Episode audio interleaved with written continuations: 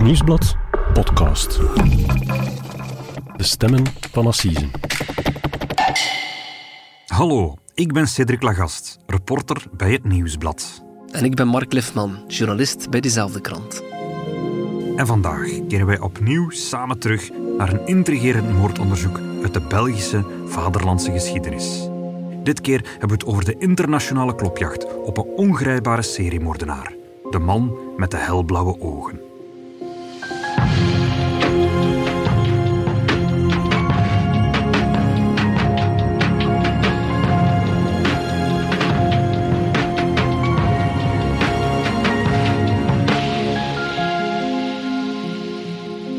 Dag Cedric. Dag Mark.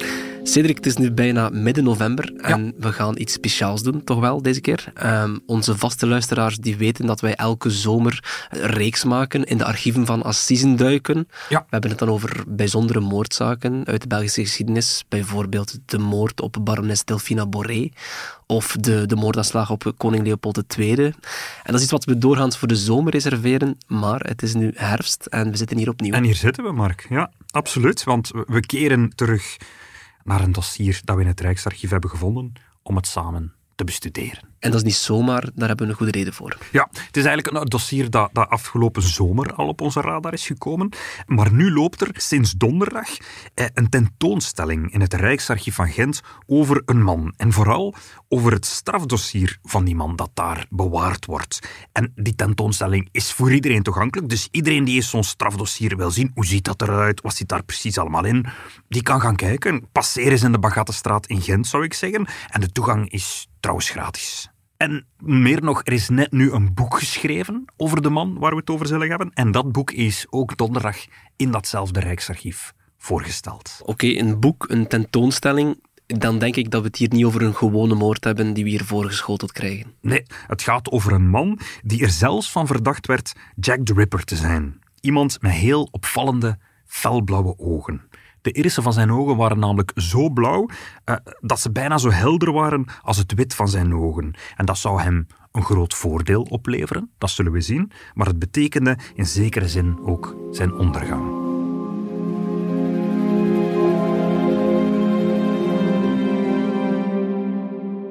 Cedric, eh, dat was eh, alvast een eh, zeer fascinerende inzet en een intrigerend verhaal sowieso. Uh, Waar moeten we in België zijn om dit verhaal te kunnen begrijpen? We moeten naar Gent, Mark. Naar het Gent van 19 juli 1898.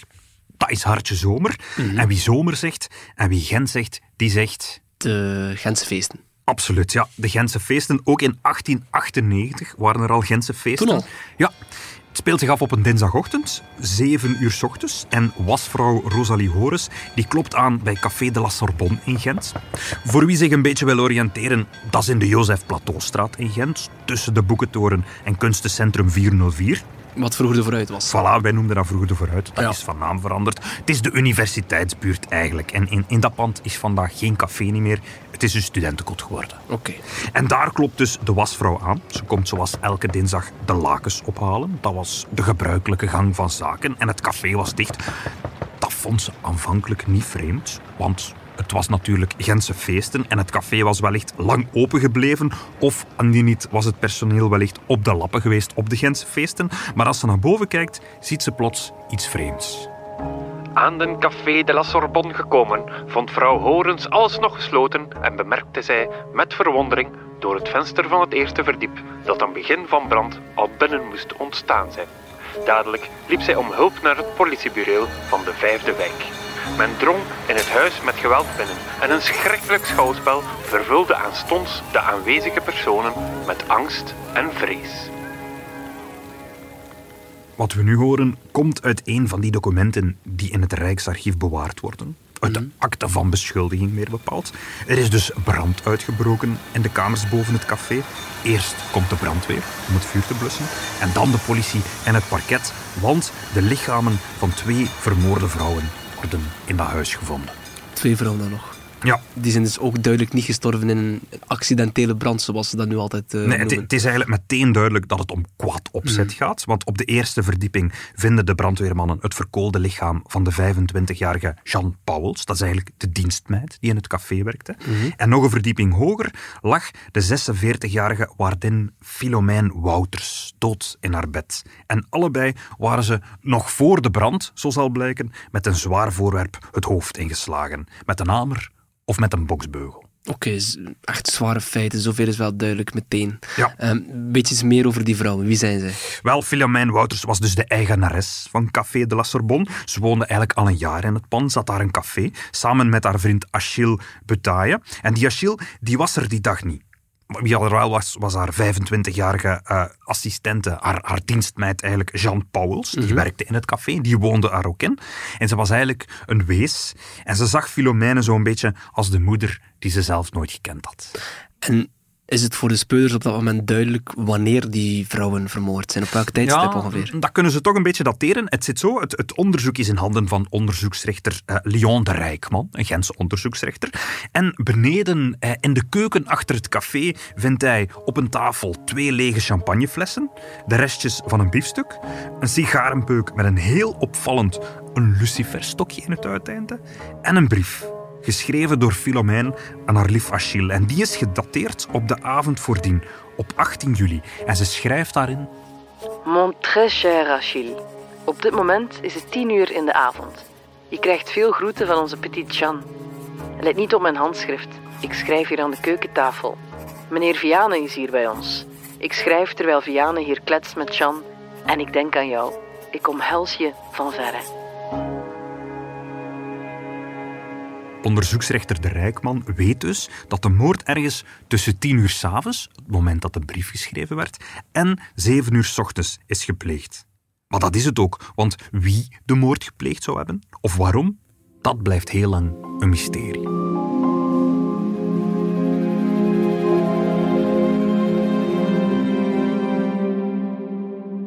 Cedric, de speurders moeten hier dus in het Gent van 1898 op zoek naar een moordenaar. En ze hebben geen idee, zei je daarnet. Ja.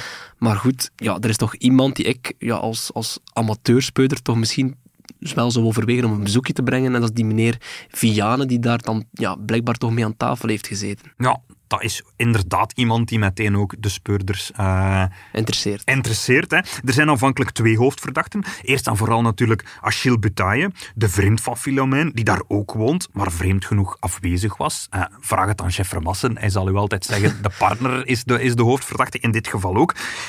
Maar dat blijkt een seizoensarbeider te zijn. Hij was eigenlijk al op, op 25 juni naar Oostende vertrokken om als boekhouder en receptionist te gaan werken in het Grand Hotel daar in Oostende. Hij wou eigenlijk een centje bijverdienen eh, om samen met Philomène eh, wat geld opzij te kunnen zetten. Dus- Ik denk om te kunnen trouwen. Hij heeft een alibi. Hij heeft een alibi. Hij was de avond van de moord in Oostende. Oké, maar dan blijft er nog maar één iemand over. En dan ga ik ervan uit dat alle blikken gericht zijn op die mysterieuze meneer Vianen. Ja, absoluut. En ook al omdat eigenlijk niet meteen duidelijk is wie dat precies is. Het is een liqueurhandelaar die daar wel vaker komt leveren. Dat weet Achille. Maar wat was zijn voornaam ook alweer? Hij weet het niet meer. En niemand lijkt echt goed te weten wie dat, dat precies is. En voor de speurders zit er eigenlijk niks anders op dan alle Vianes uit heel Gent allemaal te gaan ondervragen. Het hele telefoonboek te overlopen. Ja, en ze vinden uiteindelijk de liqueurhandelaar. Maar ook hier wordt het heel snel duidelijk dat ook hij onschuldig is. Hij heeft ook een alibi. Oké, dan is het al ja, vrijwel meteen een heel, heel mysterie. Ja, het, het onderzoek stropt een beetje. Hè. Alle minnaars en alle ex-lieven van die twee vrouwen worden nog verhoord zonder resultaat.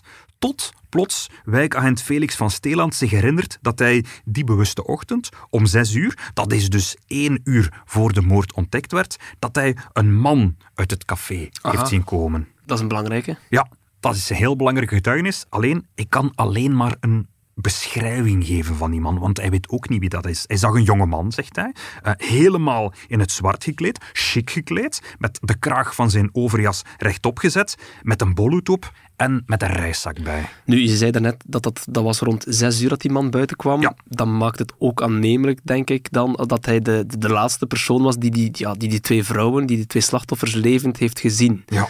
En die dus ook misschien de brand heeft aangestoken. Maar Ja. wie is die man dan? Ja, dat is de hamvraag. Hè? Want veel mensen eh, menen aan de hand van de beschrijving te weten wie die man is. Namelijk een zekere Tom, een van de aanbidders van dienstmeid Jean. Maar wie dat dan is? Hij zou voluit Tom Fottet Bernhard geheten hebben. En hij zou circusdirecteur geweest zijn van het Circus Bush. Dat was een rondreizend circus dat die zomer in Antwerpen was neergestreken. Een circusdirecteur en hij had daar ook een act met zes paarden. Zo vertelde hij aan iedereen. Oké, dat is een duidelijk concreet spoor. Ik ga ervan uit dat het dossier dan echt, of het onderzoek in een, in een stroomversnelling komt. Ja, maar vreemd genoeg zeggen dat weer andere mensen die hem kennen, mensen uit Gent, kennissen van hem of, kennissen van de barmeid, die zeggen dat hij eigenlijk Willy Willy Tosh heette. Of Hendy Jongs, dat zijn ook namen waarmee dat hij zich voorstelde.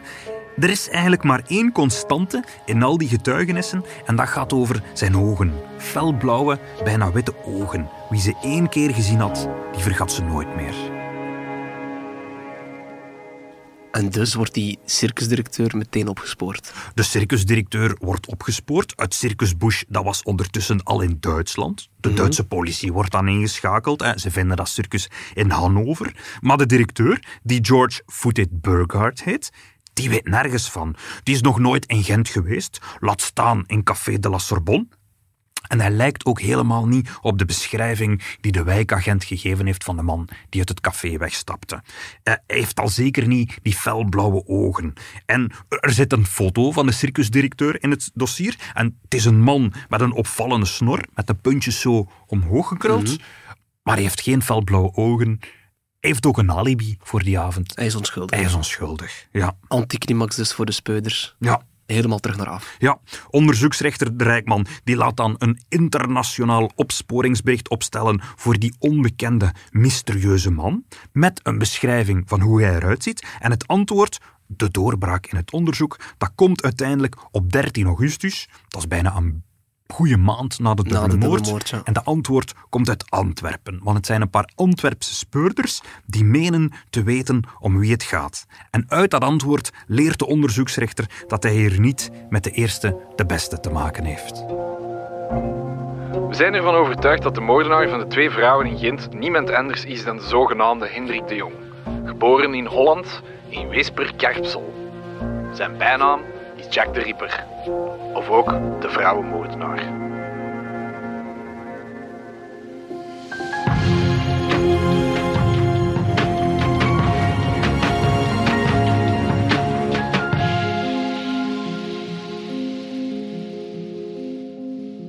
Cedric, als je het zo beschrijft, dan is er toch wel ja, een, een maand lang een zeer moeizaam onderzoek gevoerd naar een echt ja, compleet mysterieuze man.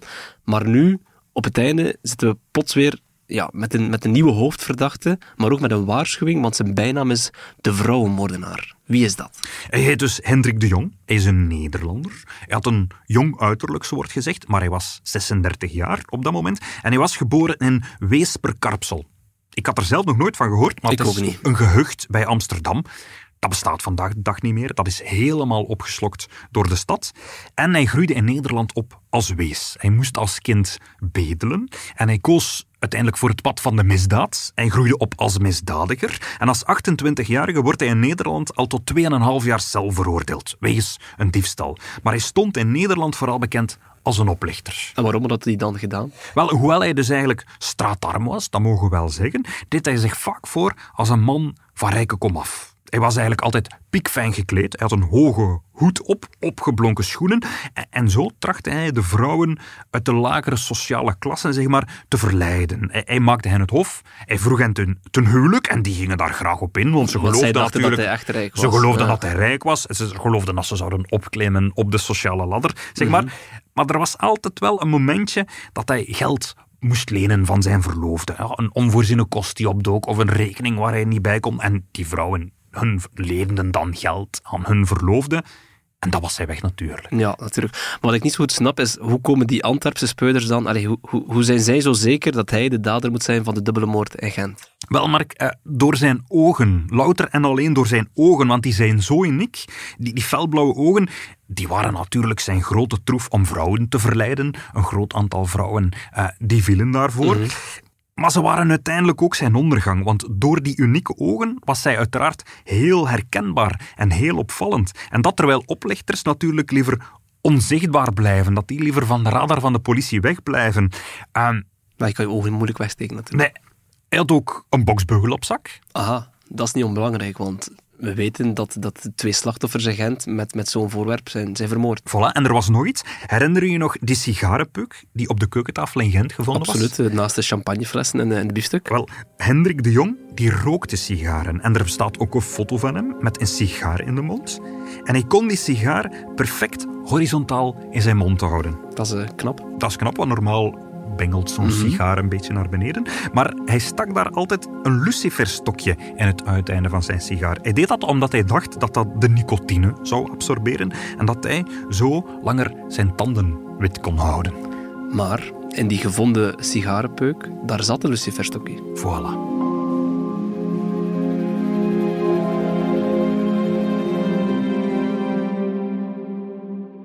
Oké, Cedric, dat zijn toch redelijk wat aanwijzingen, maar waarom noemen ze hem dan de vrouwenmoordenaar? Wel, hij werd in Nederland verdacht van twee moorden. En een van die zaken was de moord op de Britse verpleegster Sarah Anna Jewett. Een Britse verpleegster? Ja, dat komt zo. De jong had allerlei baantjes en jobs en hij werkte onder meer als steward op een schip dat naar Groot-Brittannië vaarde. En op een van die tochten werd hij betrapt op sigarensmokkel. Hij vloog in een Britse gevangenis, hij belandde in het ziekenhuis en daar leerde hij verpleegster Sarah Anna kennen, die hij prompt verleidde en met wie hij al op 15 juni 1893 trouwde. Oké, dus hij was al getrouwd. Ja, ze zijn zeer snel getrouwd en ze gingen op huwelijksreis naar Nederland, naar het Nederlandse Arnhem. Hij beweerde dat hij daar een hotel bezat, hij wou dat hotel tonen. En daar, in Nederland, verdween Sarah Anna op 8 juli. Dat is exact 23 dagen na haar huwelijk. En de Nederlanders denken eigenlijk dat hij daar zijn eerste moord heeft gepleegd. De moord op zijn vrouw. Maar dat was niet, ja, dus niet zijn laatste moord, begrijp ik. Nee, want meteen daarna leerde hij de Nederlandse Maria Schmitz kennen. Dat was een dame die in Amsterdam in een lingeriezaak werkte. Opnieuw hetzelfde verhaal. Hè. Hij verleidde haar, hij vroeg haar ten huwelijk. Ze trokken naar Londen om daar te trouwen. Zie wel een patroon, ja. Dat huwelijk werd uiteindelijk afgeblazen. Ze keerden terug naar Nederland. En uiteindelijk verdween Maria Schmitz op 31 augustus van datzelfde jaar. Dat is nog altijd dezelfde zomer. Ze werd het laatst gezien in de bossen rond het hotel Jan Tabak in Naarden en daarna geen spoor meer van haar. Oké, dat zijn wel heel ja, gelijkaardige zaken, echt wel een beetje dezelfde feiten, maar dat is wel allemaal voor hij in, Gent opduikt. Is hij dan nooit ja, veroordeeld voor die, voor die eerdere feiten op die twee moorden? Nee, hij werd er wel van verdacht is er ook over ondervraagd, maar is uiteindelijk in Nederland nooit voor de rechter gebracht. Wegens gebrek aan bewijs. Die lichamen van die twee vrouwen die zijn nooit gevonden. Is wel veroordeeld daarna voor de diefstal van 100 gulden. Tot drie jaar cel. Wat een vrij strenge straf is. En de suggestie daar eigenlijk is dat dit was omdat de rechtbank ook wel wist dat hij van die twee moorden verdacht werd, maar dat ze dat niet konden hard maken. Oké, waar ik wel nog bij blijf hangen, van waar komt dan die bijnaam Jack the Ripper? Wel, hij werd er eigenlijk door de Britse politiedienst Scotland Yard effectief van verdacht dat hij Jack the Ripper zou zijn. Dat blijkt uit documenten die in het strafdossier in Gent zitten. dat is niet min. Dat zijn brieven van Scotland Yard met, met vragen daarover. Jack the Ripper, dat was natuurlijk een legendarische, mysterieuze seriemoordenaar die in 1888 in Londen minstens vijf vrouwen gruwelijk verminkt en vermoord heeft.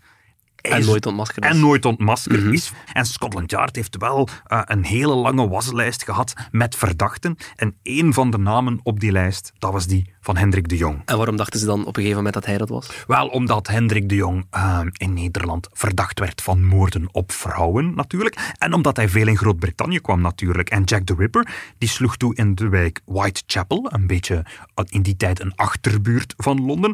En Hendrik de Jong, ja, die kende zijn weg in Whitechapel. Want zo heeft hij met zijn uh, eerste vrouw Sarah Anna Jowett in een hotel in Whitechapel verbleven. Maar uiteindelijk bleek dat Hendrik de Jong op de dagen uh, dat die vijf vrouwen in 1888 stierven in Londen, dat hij op die momenten niet in Londen was. Dus hij had ook een alibi. Hij is uiteindelijk geschrapt als verdachte van de Jack the Ripper-moorden.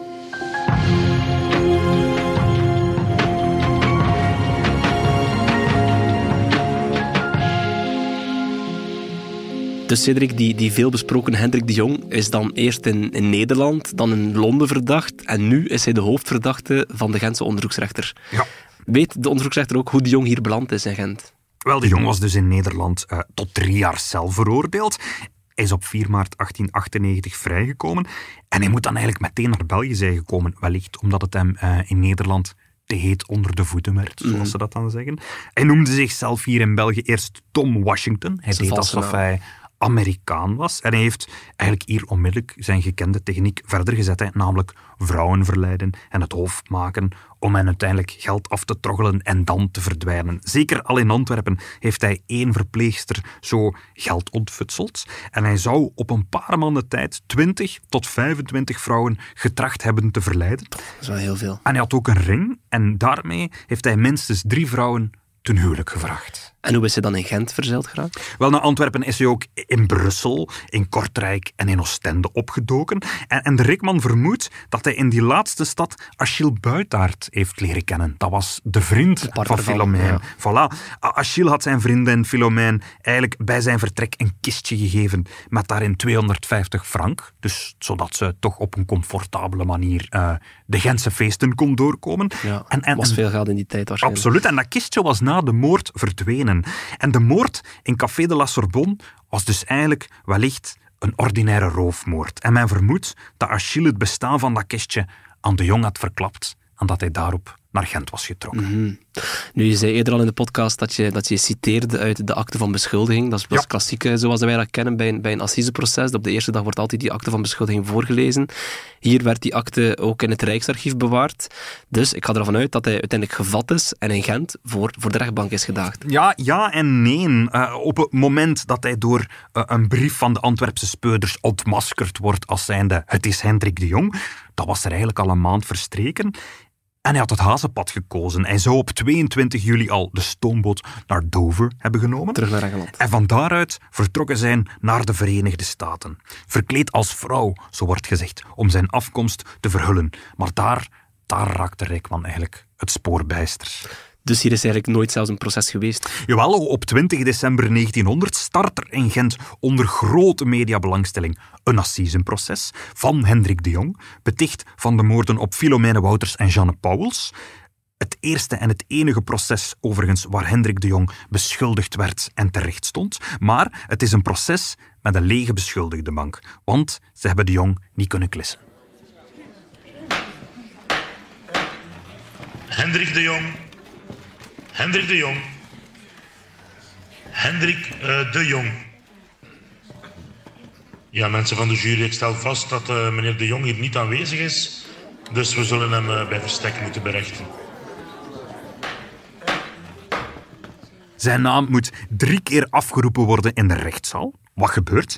Hij kan natuurlijk niet ondervraagd worden, want hij is er niet. En het hele proces duurt ook maar één dag. En s'avonds al wordt Hendrik de Jong schuldig bevonden en veroordeeld tot de doodstraf. Maar dat zal hij dus nooit echt gekregen hebben, want hij was er niet. Maar weten we wat er dan wel van Hendrik de Jong is geworden?